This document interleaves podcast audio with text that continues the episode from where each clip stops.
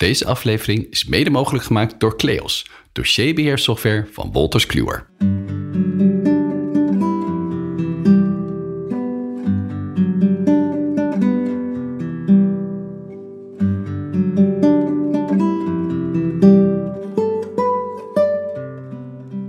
Welkom bij een nieuwe aflevering van About Law. Vandaag praat ik met Willem Wiggers. Willem is oprichter van We Agree, een contract automation tool, en hij is deskundig op het gebied van draften van contracten. Met Willem praat ik over best practices bij het schrijven van contracten. Bijvoorbeeld, hoe ga je om met definities in contracten? En waarom schrijven zoveel juristen indemnifying en hold harmless als het toch hetzelfde betekent? En welke fout maken Nederlanders vaak bij het gebruik van must, shall of will in een contract? Luister voor dit en meer naar deze aflevering van About Law.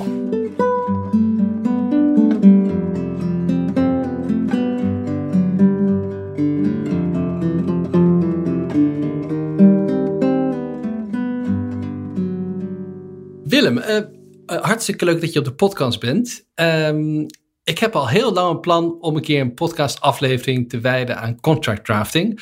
Ik ben ontzettend blij dat je bereid bent om, uh, om te gast te zijn vandaag. Niet alleen omdat je expert bent op het gebied van contract drafting, uh, maar dat je er ook veel over geschreven hebt. Uh, dat je boeken erover geschreven hebt, dat je de cursus erover geeft, dat je ervaringsdeskundige bent. dus volgens mij hebben we de goede man te pakken vandaag voor het onderwerp. Dankjewel. Ehm, het is te veel van het, uh, van het mooie. Contractschrijven is een mengelmoes van alledaagse vaardigheden, uh, zeg maar. dus om, om mezelf daar nou goeroe op te noemen, gaat wel ver. maar het is leuk om hier te zijn en ik ben onwijs vereerd met de uitnodiging natuurlijk. Dus met alle plezier help ik je in, met deze podcast. dus dank je wel.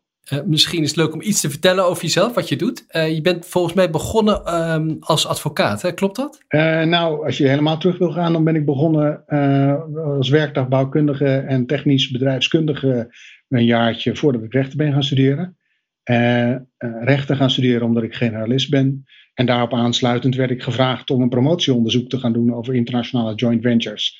Dus dat heb ik vijf jaar gedaan. Uh, daarvoor heb ik in uh, meerdere buitenlanden gezeten, grote onderzoeksinstituten wereldwijd. En, uh, en daarop aansluitend ben ik bij uh, Over in Amsterdam aan de slag gegaan in de overnamepraktijk. Hoofdzakelijk overnamepraktijk. En daarna, um, dus ik kwam van het stof van de academie, zeg maar. En uit de diepste krochten van mooie bibliotheken her en der. In de praktische uh, rechtspraktijk van Helen Novi. En daarop aansluitend ben ik uh, interim jurist geweest een paar jaar bij uh, Philips en bij DSM. Ook een paar keer heen en terug gegaan. En alweer 15 jaar geleden ben ik met WeAgree begonnen.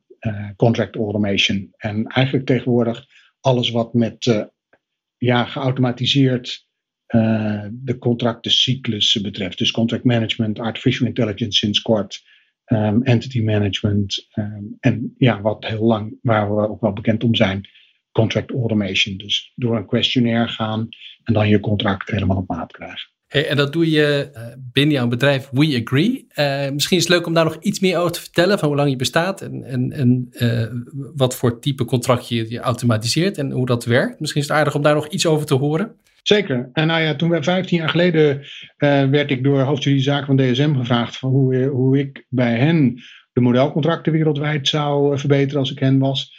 En, en, toen had ik zoiets van ja, dan moet je om te beginnen natuurlijk gewoon je documenten op orde brengen. Maar eigenlijk moet je ze meteen automatiseren, want dan heb je ze centraal staan. Het maakt het beheer en het onderhoud van je modellen heel veel makkelijker. en, en het is ook um, eh, gewoon heel veel sneller om je contract op die manier te maken. Um, ik heb prototypen uh, toen laten bouwen in eigen beheer. Um, uh, nou ja, ben ik dat gaan laten bouwen door een aantal WizKit-programmeurs. Toen barstte de crisis uit in Nederland. Ik had prototypen af, maar toen was het economisch wel verrekte lastig. En toen vonden we um, ASML als launching customer op ons weg.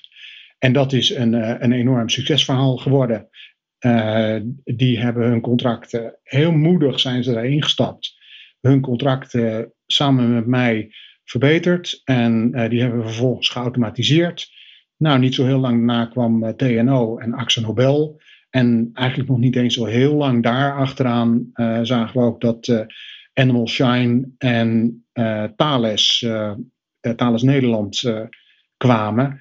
En die hebben hun modelcontracten door mij laten verbeteren. Ehm, dat is eigenlijk iets wat ik tegenwoordig niet eens zo heel veel meer doe. Ik heb wel een LinkedIn-groep uh, die uh, eh, 42.000 eh, leden heeft op dit moment.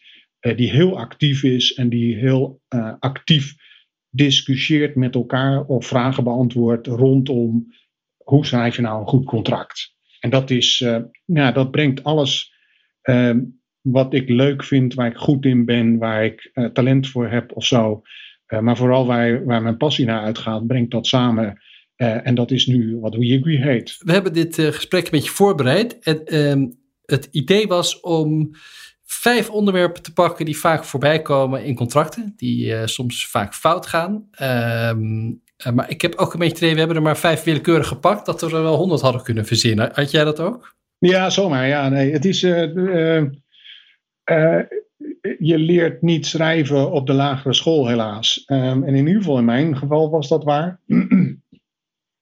En uh, ik was nog niet uitgeleerd na de middelbare school, zelfs niet na mijn studie, zelfs uh, niet na mijn proefschrift schrijven. en, en bij Ellen Overy kwam het misschien uiteindelijk naar boven. En dat betekent eigenlijk dat er gewoon zo verschrikkelijk veel aspecten aan zitten om een goed contract te schrijven, dat je, ja, we hadden zomaar een paar podcasts kunnen vullen. Ja. ja. Ja, ik herken dat wel hoor. Ik ben natuurlijk ook, ik ben twintig jaar advocaat en, en jurist en bedrijfsjurist. En, en nog steeds leer ik nieuwe dingen over hoe ik dingen nou, hoe ik nou contractbepalingen het beste kan schrijven. En ga je ook door cycli heen in je carrière, dat je eerst heel breedsprakig bent en dan weer periodes dat je heel beknopt probeert te schrijven en dan eh, weer meer juridisch. En het is ook geen statisch ding hoe je een goed contract schrijft en, en hoe je stijl zich ontwikkelt. Zonder meer, zonder meer. En um, uh, ik had nooit zo'n passie weten te ontwikkelen uh, voor, voor schrijven en voor taal als mijn vader daar, niet zo'n passie voor had gehad. Hij vond, hij heeft al mijn manuscripten gelezen en dat in vele malen toe. En hij vond echt dat ik geen gevoel voor taal had. Nou, en dat is, dat is, wel, een, dat is wel veranderd, gelukkig. Ehm, maar daar is echt wel wat voor nodig geweest. En het is, en het is ook waar. Um, het grappige is als je een tekst schrijft en je leest hem over twee weken terug. En het is echt jouw tekst dan herken je het ook helemaal als je eigen eh, tekst. En dan weet je ook de accenten die je in de zinnen legt, eh, die weet je ook zo te leggen als je ze in je hoofd had toen je het opschreef. En als jij over een paar jaar je tekst leest, eh, dan, eh, dan sta je er te ver vanaf. En dan kun je misschien wel stilistisch dingen nog herkennen. Maar, en zeker als je de kwaliteit van schrijven denk ik hoog is, dan zal het makkelijker zijn. Maar als dat niet zo is, uh, hè, als je dus een, echt een groei hebt gehad in je schrijfvaardigheid, dan, uh, dan zul je minder makkelijk terug herkennen in, die, in je oude teksten. En dat zie ik ook bij mezelf. Ik paas mezelf ook wel eens over oude teksten die ik geschreven heb, contractbepalingen. Die ik denk, wat, wat heb ik dit mooi opgeschreven? Ben ik dat echt geweest? Dat gewoon, uh, ja. ja, nee, dat is, eigenlijk is dat het ergste wat je kan overkomen. Want de, de, de, dan zeg je eigenlijk van ja, wat een contractentaal was dat toen. ja, precies. En, en als ik nu kijk naar hoe ik zelf. Uh, mijn voorkeur voor schrijven is wel heel praktisch geworden. Dat, heeft de, dat heb ik echt te danken aan uh, mijn tijd in de advocatuur. Daar ben ik echt heel pragmatisch opgeleid. En um, ja, houd maar zo simpel mogelijk. En het, het, is dus ook echt de kunst om zo bondig op te schrijven dat, dat er precies dat staat wat er moet staan en niets meer dan dat. En, en dat is ook de lol die je erin hebt. En dat betekent dus, wat mij betreft, dat je absoluut geen ouderwetse legalese uh, moet opschrijven. Het betekent dus dat op het moment dat je niet weet wat het, uh, wat het inhoudt, wat je opschrijft, dat je het dan dus niet zo moet opschrijven, maar dat je het anders moet opschrijven. Of dat je moet nagaan waarom het is uh, wat er staat. En een heel mooi voorbeeld is, denk ik, wat je in het Engels uh, ziet, triplets en doublets worden het genoemd. Um, indemnify en hold harmless. Dat gaat terug tot de 8e eeuw of tot de 13e eeuw. Het is maar net hoe je daar naar wil kijken. En wie er toen in Londen aan de macht was. Of het de Noormannen waren of de Fransen. En of het dus het meer het Vikingsrecht was, ofwel het uh, via Frankrijk Romeinse recht uh, dat daar uh, de boventoon voerde, dat men in contracten bewoordingen koos die ook etymologisch gezien daarop terugvallen. Indemnify is, komt uit de Latijnse hoek. Hold harmless is een uit het leven gegrepen term om hetzelfde te zeggen. En het betekent dus ook echt niets anders. Maar toen je in die tijd leefde, had je dus een machtswisseling waarin ook het recht omgegooid werd, maar waarbij je te maken kon krijgen met een rechtbank die, um, die nog georiënteerd was op de vikingen, of misschien niet meer. En omdat je niet zeker wist of je met Noormannenrechters of met Franse rechters als het ware te maken had, koos je voor de zekerheid maar voor beide. Maar dat hebben we 700 jaar daarna nog volgehouden, of liever gezegd, de invloed uh, daarvan, die zie je nog altijd in je contracten terug. In dat we indemnify en hold harmless schrijven. En er is werkelijk geen onderscheid. En dat verschil, uh, die termen, ja, je ziet het all over uh, de contracten. En dat oudbollige, dat kun je maar beter loslaten.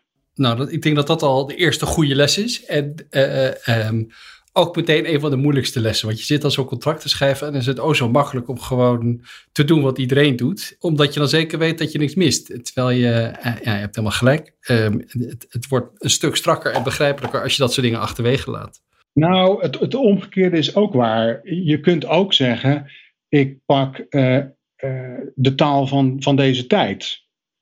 En, ik, um, en, en, dat je dan nog net afzijdig houdt van woorden als cool, en chill. Maar dat je uh, met één stapje meer naar, uh, naar het, naar het schrijftaal toe, dat je de, de, taal van deze tijd spreekt. En daar zit ook een gevaar. Namelijk dat je jargon gebruikt wat nu geldt. Of dat je praat in termen van co-creatie of zo. Waar dat over een jaar of vijf een hele andere betekenis kan hebben gekregen. Omdat het zo'n jong woord is. Ja, en, en daar sta je natuurlijk op het moment dat je het schrijft weinig bij stil. Dat is een lastige. Dat is een lastige. En, uh, en zo, zo zijn er, zo zijn er uh, veel van die dingen dat je, waar je ook voor moet oppassen zijn bij wijze van spreken valse vrienden. Hè? Een bekende valse vriend, zou ik maar zeggen, is het woordje notwithstanding in contracten. je ziet in bepalingen zie je regelmatig het woord notwithstanding. Het is een adder onder het gras. Het is de, de meest gevaarlijke plek waar je hem kunt vinden is daar waar notwithstanding uh, iets van toepassing is, bij uitsluiting van met name de beperking van aansprakelijkheid. Dus niet tegenstaande dat we een beperking van aansprakelijkheid hebben afgesproken, geldt niet te min dat je hier, als dit gebeurt, het volle pond zult betalen. En daar is het woordje notwithstanding dus, uh, staat dan op een plek typisch niet in de clausule van beperking van aansprakelijkheid. Dus het is een, het is een uh, eentje die onder de radar duikt. Uh, want als jurist ga je eerst in de beperking van aansprakelijkheidsbepaling kijken. En vervolgens uh, kom je deze misschien of misschien wel niet uh, tegen. En het is om andere reden ook een gevaarlijke. Want de betekenis van het woord notwithstanding is niet eenduidig. En je bent gevoelsmatig geneigd om te denken: notwithstanding betekent niet tegenstaande. Maar Um, even goed, het betekent uh, ook regardless. Het betekent however. Het betekent uh, in, in, spite of, uh, despite, yet, still. Dat zijn allemaal goede equivalenten van het woord notwithstanding. En als je die zou vertalen, dan kom je helemaal niet per se uit op niet tegenstaande. Waarbij niet tegenstaande in het Nederlands ook niet helemaal eenduidig is, denk ik.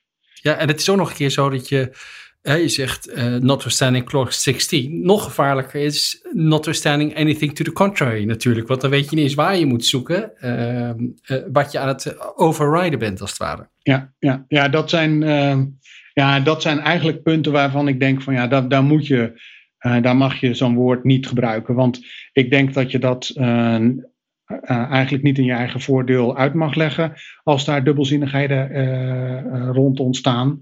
En ik denk ook dat dat van een vaagheid is die te ver gaat om daar al te veel aan op te hangen. Zeker als het gaat om een beperking van spraakheid, dan denk ik dat je daar op een hellend vlak uh, begeeft. Hey, stel nou dat je wel een, een, soort rangorde wil aanbrengen in die artikelen. Ehm, wat is dan het alternatief? Nou, de netste manier, en dat is wel eentje waar ik, uh, waar ik wel een voorstander van ben, is dat je het uh, gewoon echt open en, en duidelijk speelt.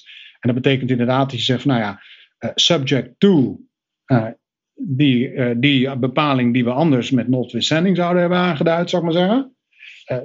Subject to die andere bepaling en subject to en nog een andere bepaling misschien. Um, geldt dat wij een beperking van de spraakheid overeenkomen in de orde van, nou ja, en dan gaat het verder. Dat is de mooie manier om dat op te lossen. En dan is inderdaad subject to is, een, is een duidelijke, die geeft de, onmiskenbare hiërarchie van bepalingen aan. Uh, je kunt ook denken aan dat je een uitzondering creëert. Dus dat je zegt, accept as provided in uh, daar en daar, geldt hier en hier, zo en zo en zo. Een ander onderwerp wat ik veel tegenkom en wat op hele verschillende manieren gedaan wordt, zijn getallen in contracten. Um, hoe schrijf je een getal uit in contracten? Dat zie je eh, op verschillende manieren voorbij komen. Je ziet cijfers, gewoon je ziet uitgeschreven getallen, maar je ziet het ook soms allebei. Hè? 2000 tussen haakjes 2000. Hoe doen we dat? Wat is daar nou de, de, de beste regel en waar gaan we de fout in?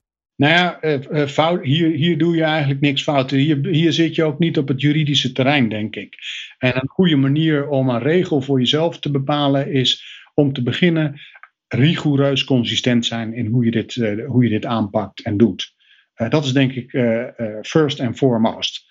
Dan is een heel goed handvat om je regels, je principes voor hoe je omgaat met het uitschrijven van getallen. Um, een heel goed handvat daarvoor zijn stijlgidsen. Um, hele bekende en hele goede stijlgidsen is die bijvoorbeeld van de Europese Commissie voor uh, Europese regelgeving. Dat is een hele heldere style guide. Um, de Economist is een bekende. De New York Times heeft een goede style guide. Waarin in een aantal pagina's, of zelfs in een boekenwerk, um, maar een aantal pagina's gewijd aan hoe je met getallen moet omgaan, een aantal principes uitgeschreven staan. En dan vind je vaak iets terug in de trant van tot en met 10 schrijf je de getallen uit of tot en met 20. Hè, dat is maar net wat je uh, stilistisch mooi vindt. Het komt van een beetje op het stijl aan wat je mooi vindt. Maar ik denk dat tot en met 10 wel het meest voorkomend is uh, in contracten. En alles erboven uh, schrijf je getalsmatig uit. Maar daar zijn nog een heleboel uitzonderingen op te bedenken. Want wat moet je doen op het moment dat je een combinatie van getallen in één zin treft? Dus als je uh, zowel aantallen aandeelhouders beneden als boven de 10 hebt, um, je ze dan allemaal uh, volgens de regel tot en met 10 uit en daarboven in getallen. Dat vind ik stilistisch gezien heel erg lelijk. Uh, dan ben ik echt geneigd om te zeggen van. en, maar je ziet het wel, en stijlgidsen schrijven het ook wel voor. maar dan krijg je dus hele gekke situaties dat je dus iets kan zeggen, hebben als one shareholder, seven shareholders en 14 shareholders of zo. En, uh, en dan is one en seven uitgeschreven en 14 is dan niet uitgeschreven. Dat vind ik echt heel raar. Ja, ja, vind ik ook heel lelijk, om eerlijk te zijn. Ja. Dat is heel lelijk. En dat kan. Uh, en daar moet je een oplossing voor bedenken. Als je bijvoorbeeld zegt: one shareholder will receive 12.000 euro. Seven shareholders will receive 1 euro. En 14 shareholders will receive 14 miljoen US dollars. Dan, dan heb je twee typen getallen die in één zin parallel lopen, bedragen en aantallen aandeelhouders. Uh, en dan is het veel slimmer om dan te zeggen: oké, welke pakt hier het handigst uit? Dat je die uitschrijft en welke andere dat je die in getallen uitdrukt. En dan nog kan het een lastige zijn. En, en dan het gebruik wat echt alleen juristen volgens mij doen en niemand anders in deze wereld, namelijk zowel uitschrijven als het getal opschrijven. het voorbeeld dat ik net gaf, uh, 14.000 dollar, tussen haakjes 14.000 dollar uitgeschreven. Eh, heeft dat enig nut overigens? Waarom, waarom doen we dat als juristen? en er zit, het heeft wel een aardige achtergrond. Het idee is natuurlijk dat je zegt van ja, uh, dat, dan is de kans op fouten minder. Maar ik denk dat er alle reden is om aan te nemen dat de kans op fout alleen maar groter is geworden. En uh, het grappige is, ik heb in de loop van de jaren van best wel veel ondernemingen hun modelcontracten gezien. En, en die dan ook bij ons wordt aangeboden als pertinent zijnde hun modelcontract. En het is mij gewoon twee, twee keer voorgekomen, dat ik, twee keer dat ik het gezien heb, dat in een bepaling staat 30 tussen haakjes 60. Ja, eh, en ik lach erom, maar het is ook omdat ik het zelf wel gezien heb. En, en, en dat het me huis zelf ook wel eens is overkomen bij het aanpassen van zo'n contract, dat, het, dat je er maar één aanpast. En zo, is, zo, zo gaat het ook. En, en ik vind het, hoe dan ook, vind ik, ik denk dat de foutgevoeligheid er helemaal niet per se minder om wordt. Want het is precies wat je zegt.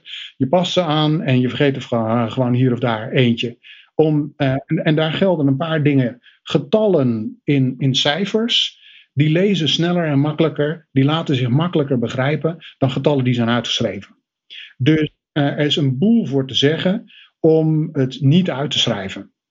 En natuurlijk is het zo dat je voor sommige type overeenkomsten, borgtocht of zo, dat je het uh, uitschrijft. En natuurlijk is het zo dat als jij een, een bidletter moet indienen met een bepaald bedrag, dat je dat bedrag uh, voor de zekerheid uitschrijft en dat je dat goed doet. En het zal met de miljarden of de miljoenen zal het allemaal wel uh, loslopen en zal dat nog wel in orde uh, komen. Maar het, het gaat gewoon vaak fout. En waar komt het vandaan?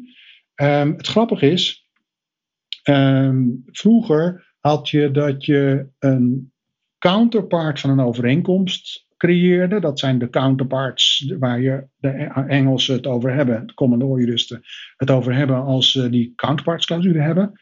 Dat heeft een hele andere achtergrond, maar Um, counterpart kun je maken, onder andere doordat je een carbonvelletje uh, ertussen legt en dat je dan achter de typemachine het uittypt. En dan heb je het risico bij een carbonpapiertje ertussen, waarmee je dus een kopietje maakt, dat de nul dichtslaat. En dat het dus niet goed zichtbaar is met het typen, met de typemachine, of het een 0, een 6, een 9 of misschien een 8 uh, was.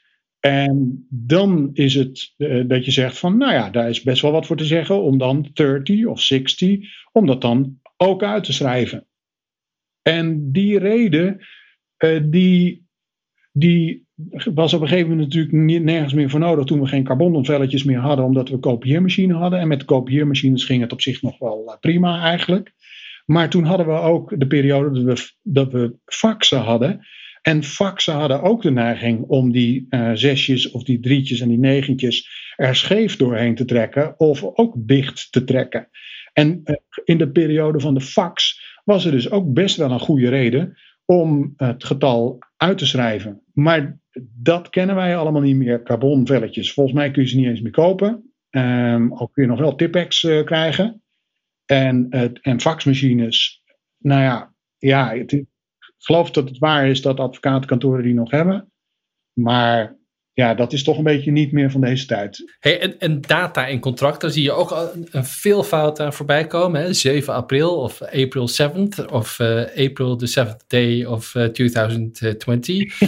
wat, wat, gaan we daarmee doen? Kunnen we daar ook een moderne, moderniseringsslag in aanbrengen? Ja, dat denk ik wel. Ik denk dat je hier vooral je eigen uh, gedachteloze schrijfwerk of je stoere uh, kijk mij eens, ik weet hoe het hoort, uh, schrijfstijl overboord kunt gooien. Het is wel aardig. Niet zo vreselijk veel mensen weten het, maar um, January 24, 2021 is Amerikaanse schrijfstijl, schrijfstijl. De hele wereld die Engels schrijft, schrijft 24 January 2021. Geen komma, niks. Maar het grappige is, een heleboel mensen uh, de Engelse uh, zal nog wel loslopen, maar heel veel mensen buiten de Verenigde Staten schrijven het ook op die manier. En daarvan kun je eigenlijk niet anders zeggen dan dat dat een soort van Amerikaan, de invloed van de Amerikaanse schrijfstijl, de invloed van de Amerikaanse media, de Amerikaanse wereld in de rest van de wereld is. En als jij voor de spellingcontrole of als jij voor je gevoel Brits-Engels wilt schrijven, dan is dit best wel een gekke. Hey, laten we naar een ander onderwerp gaan. Um, uh, het verschil in contracten, wat je voorbij ziet komen over um, tussen shall, must en will, vind ik ook altijd een aardig om nog even bij stil te staan. Je komt ze allemaal tegen in contracten, maar zit er een verschil tussen? moet ik in het ene geval shall gebruiken of in het andere geval will? Hoe werkt dat? Als je de Engelsen moet geloven, en, er zijn uitspraken in, in Engeland die de ene of de andere kant op wijzen. En dat heeft dus meegebracht, dus meegebracht, dat grote kantoren in Engeland hun policies daarop hebben aangepast om het op de een of op de andere manier te doen. Um, er is een heel duidelijk verschil tussen shall en will. Um, must staat er een beetje buiten, denk ik. Uh, dus, en er zijn een paar dingen waar, waar je als niet-Engels sprekende je maar beter aan kunt houden. Um, ik denk dat het een fabeltje is om te zeggen dat shall en will een hogere of minder hoge mate van uh, verplichtendheid meebrengt. Ik geloof dat gewoon echt niet. En ik geloof ook niet dat must dat beter maakt. Maar wat ik wel vind is dat must een nogal koude en nogal harde manier van opschrijven uh, is. En het gekke is, als je, uh, dat is mijn perspectief vanuit Nederland. Hè? Dus partij A moet dat en dat en dat doen. Dat klinkt voor mij best um, koud. Uh, terwijl ik me er niet minder of meer verplicht toe voel om, het, uh, om iets aan te doen. Het grappige is, in andere talen werkt dat anders. In, in, in het Frans gebruik je het woord moet vaker dan wij dat zouden doen. Um, en ik denk ook vaker dan, de, dan je dat in Engelse talen aantreft. Maar er is nog een heel grappig verschil. Amerikanen in het losse taalgebruik schrijven vaker, beduidelijk vaker will en shall is eerder een uitzondering. Dat is wat je zonder meer kunt zeggen. Het is wat losser taalgebruik op een of andere manier, maar niet minder verplichtend. Um, will heeft niet alleen de obligatorenwerking van Jan zal dat en dat doen, maar het is ook als dit gebeurt, dan zal de overeenkomst eindigen. Dat is dus niet dat de overeenkomst zichzelf gaat eindigen of dat er een verplichting ontstaat eh, dat tot beëindiging of zo. Nee, dat is gewoon een, een toekomstige uh, gevolgtrekking die verwoord zit in will. En dat maakt dus dat als jij shall heel goed uh, wil toepassen, hè, dus de Oxford Grammar, rule, grammar Rules uh, wil volgen, of de Cambridge Grammar Rules wil volgen, dat je dan zegt shall is volgens de regels een een, aan een persoon gebonden verplichting, obligatoren werking die een persoon teweeg zal brengen. En dan is will voorbehouden aan een toekomstige gebeurtenis. Het is, het is namelijk taalkundig wel heel gek, terwijl dat voor will allemaal wel zou kunnen werken. Je kunt dus consequent will all over gebruiken. Is het heel gek om te zeggen, als dit gebeurt, dan shall de overeenkomst eindigen. Dat is een rare toepassing van shall, want die klopt namelijk niet. Shell is gekoppeld aan een persoon die iets zal doen. En, eh, maar ik moet er meteen meegeven. Uh, ik heb het aan, uh, aan, mezelf aangeleerd om Shell te gebruiken. En ik denk dat als je geen Engelsman bent, en de Engelsen zelf begrijpen dit al vaak al niet, ik denk zomaar de helft niet, um, dan is het denk ik zinvol om gewoon consequent te zijn. En ik denk dat dat belangrijker is dan te proberen het op de een of de andere manier goed te doen. Hey, gevoelsmatig, jij zegt shall en will zit weinig verschillen in, in verplichtendheid. Uh, ik, ik, denk dat ik het dat met je eens ben, maar gevoelsmatig vind ik er wel een grote verschil zitten. en dat doe je natuurlijk niet zo vaak in contracten. Als je het hebt over I will of I shall. Want dan vind ik will weer veel verbindender dan I shall. Want dat lijkt wel een soort, ja, I shall iets doen, lijkt wel een soort intentie te zijn bijna. In tegenstelling tot I will iets doen ik, ik, eh, ik vraag me af of je daar, of dat werkelijk als dat voor een rechter komt, dat die zegt van, oh, maar u, jullie als partijen hebben beoogd om daar iets minder verplichtend te zijn in hoe je dat opzet. Het is best wel gemeengoed om op dat moment, hè, als het niet een resultaatsverbindenis is, maar een inspanningsverbindenis, om dan uh, daar iets van best efforts of uh, zoals recent met de coronavaccins best reasonable efforts te hanteren als terminologie. Maar ik, ik, ik, ik betwijfel of dit, uh, of dit zo scherp, uh, of de soep zo heet wordt gegeten voor de rechter. Um, het risico wordt groter op het moment dat je het door elkaar gaat gebruiken. En verder is het ook, ik heb in Berkeley een aantal maanden bij een hoogleraar op de Kamer gezeten, die contract law, Mel Eisenberg. En die heeft mij geleerd um, dat er voor al je posities die je kunt hebben in de Amerikaanse rechtspraktijk case law is. Dus als je de tijd hebt om het te vinden, dan zul je de case law vinden voor jouw uh, probleem. Hey, laatste onderwerp. En ik zei al, we kunnen er 100 behandelen, maar helaas hebben we niet, heel, niet heel veel tijd voor 100. Uh, eh, maar het laatste ding, het gebruik van definities in contracten. Ook daar zie je alles voorbij komen wat, uh, wat maar mogelijk is. Misschien om te beginnen met de vraag, wanneer moet je nou een definitie gebruiken en wanneer nou niet? Nou, het enige doel van, de, van een definitie is om de interpretatie van een contract makkelijk te maken. Het effect van een definitie is dat zinnen korter worden. Uh, en, en, en, en omdat een zin korter wordt, wordt die makkelijker begrijpelijk.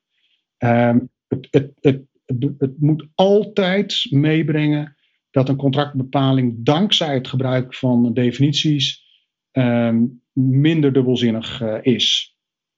Uh, als dat niet zo is, dan moet je de definities niet gebruiken. Maar er gelden nog wat andere dingen. Ik bedoel, je moet, als, als je ervoor kiest om een concept te definiëren in je overeenkomst, en dat is helemaal gebruikelijk iets, dan moet je het consistent doen.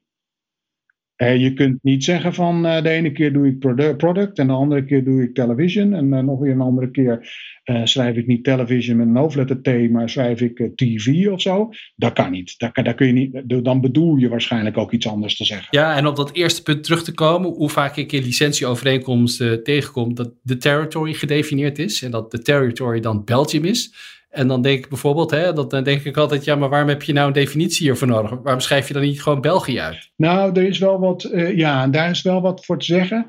Uh, want mensen zijn wel ook geneigd om een overeenkomst snel te scannen. En dat hangt wel een beetje van de aard van de overeenkomst af. Als jij een, een grote, uh, wat complexere overeenkomst hebt, die, ehm, die weet ik veel, laten we zeggen, 10, 10, 15 pagina's een beetje overstijgt dan ontkom je er bijna niet aan om uh, definities te gebruiken. Maar als het kleine overeenkomsten zijn van een pagina of uh, twee of vijf of zo, dan is het heel prettig om een paar definities bij elkaar in je artikel van definities te hebben. En dan heb je dus uh, als het ware daar je key parameters van het contract en een territory, dat zal in 9 van de 10 gevallen key zijn voor het contract. Um, en, en dat geldt ook voor the product of um, the services. Uh, namelijk dat services gedefinieerd zijn in uh, Schedule 1. Of um, de license patents.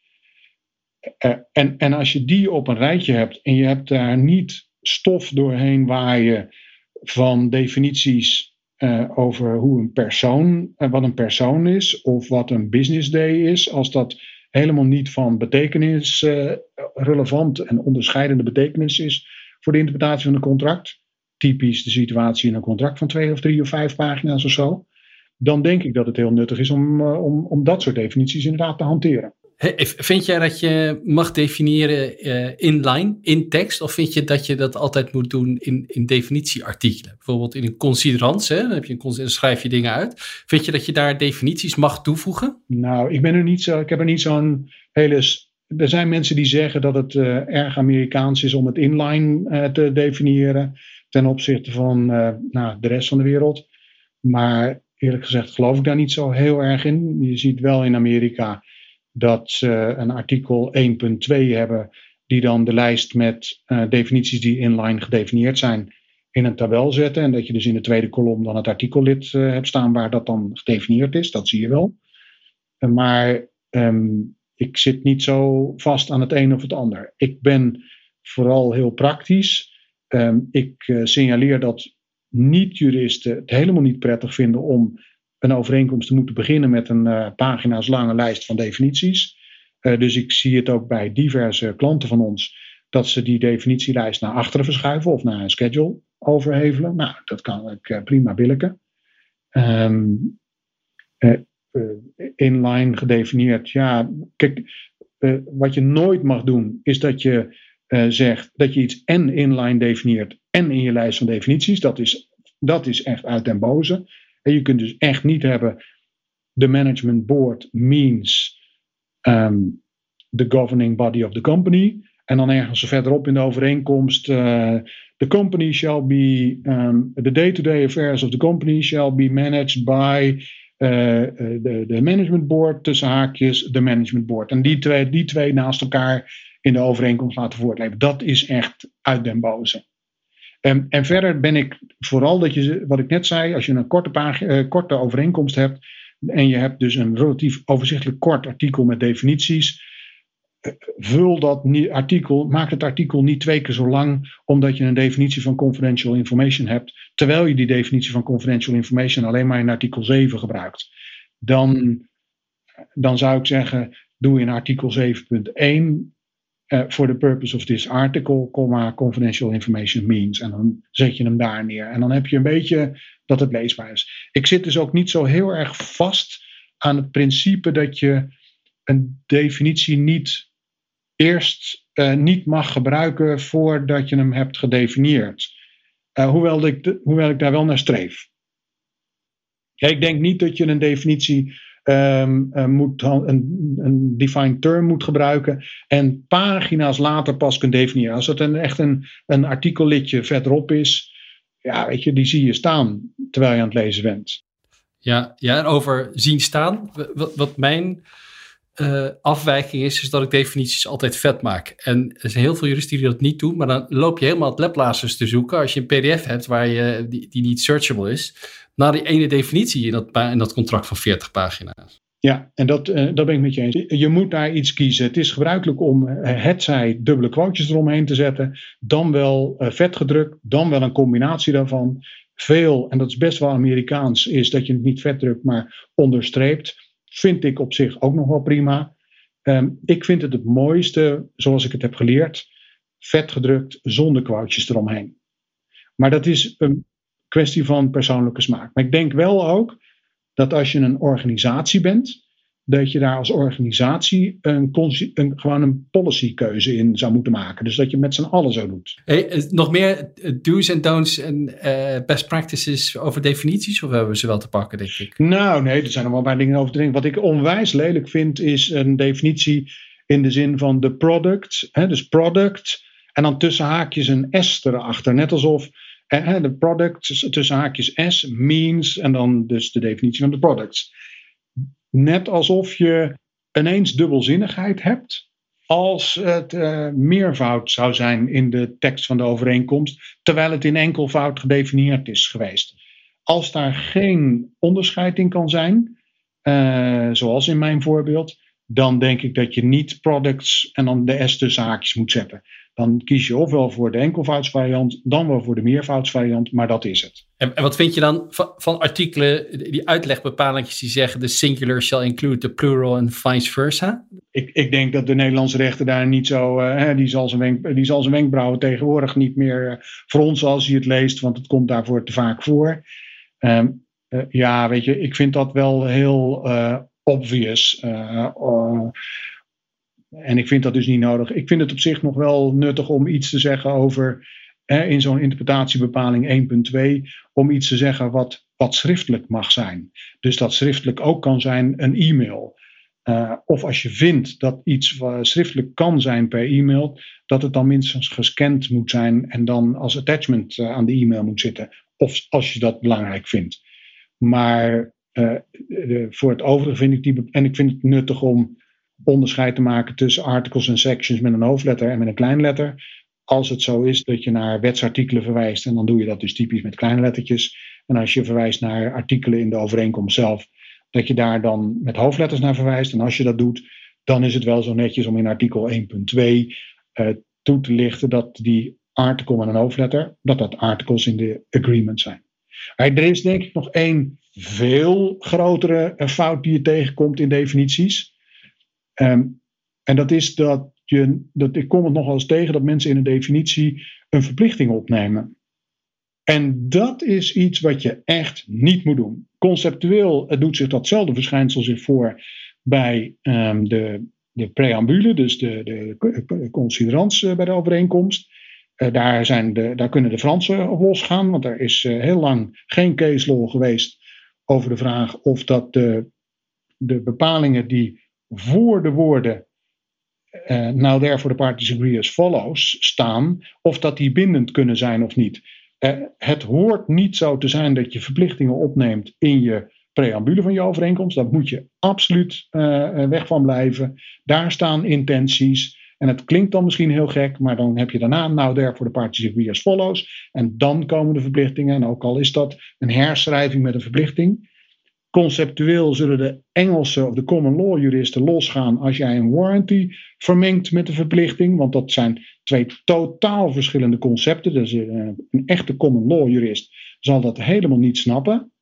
Uh, hoe een warranty uh, in de warranty zelf nog een verplichting kan hebben, want dat, dat kun je niet, conceptueel niet waarmaken. Maar dat hoort ook niet in definities. Het principe van een definitie is dat je, de, dat je daar waar je de defined term in de lopende tekst gebruikt, dat je daar de definitie die je in je definities hebt, volledig één op één in kunt substitueren. En dat, dat krijg je niet voor elkaar als die definitie een beweging in zich draagt of een verplichting in zich draagt. Want die laat zich niet substitueren. Eh, oh, en misschien laat het zich één keer substitueren, maar bij de tweede keer dat je die definitie gebruikt, gaat het fout. We zijn een beetje door onze tijd heen, maar ik, misschien, ik, ik vind het ontzettend boeiend. En om eerlijk te zijn, ik kan al echt nog wel honderd van dit soort onderwerpen te pakken nemen. Uh, maar misschien nog om af te sluiten. Heb je, heb je nog één laatste gouden tip voor ons, voor degene die, die contracten maakt, wat ze echt meteen mee moeten stoppen of moeten beginnen met doen? Nou ja, behalve dat ik nu bezig ben om masterclasses uh, uh, te maken voor contract drafting en die te volgen. Uh, ik, ik denk, het is eigenlijk een beetje waar ik ook al mee begon.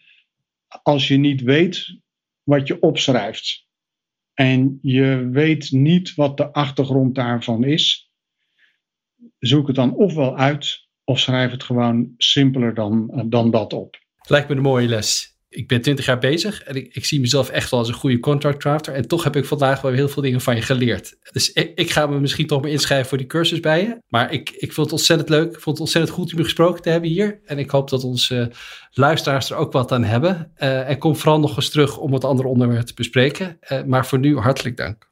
Met onwijs veel plezier. Dankjewel voor de uitnodiging. Ik vind het onwijs leuk om, vond het onwijs leuk om dit te doen. En uh, nou ja, ik uh, telkens weer, ik, word, ik, ik, ik, laat me weer helemaal op. Ik, merk, ik voel dat de energie uh, binnenstroomt als we het hier zo over hebben. Dus dankjewel. Bedankt voor het luisteren. Een shout-out naar alle luisteraars die feedback en podcastsuggesties doen. En ook danken wij Advocatie voor het delen van onze podcast in een nieuwsbrief en op een website. Vergeet niet te abonneren op About Law in je favoriete podcast app om automatisch de nieuwe podcastafleveringen te krijgen. Volg ons ook op Twitter en LinkedIn. En wil je ons ook sponsoren? Neem dan contact op via onze website www.aboutlaw.nl. Deze aflevering is gemaakt door mij, Bob Rietjens en Kazale Dabiran, de producer van de podcast. De muziek is gemaakt door Peter van Eenbergen en de sound engineer is Sam Williams. Tot de volgende keer.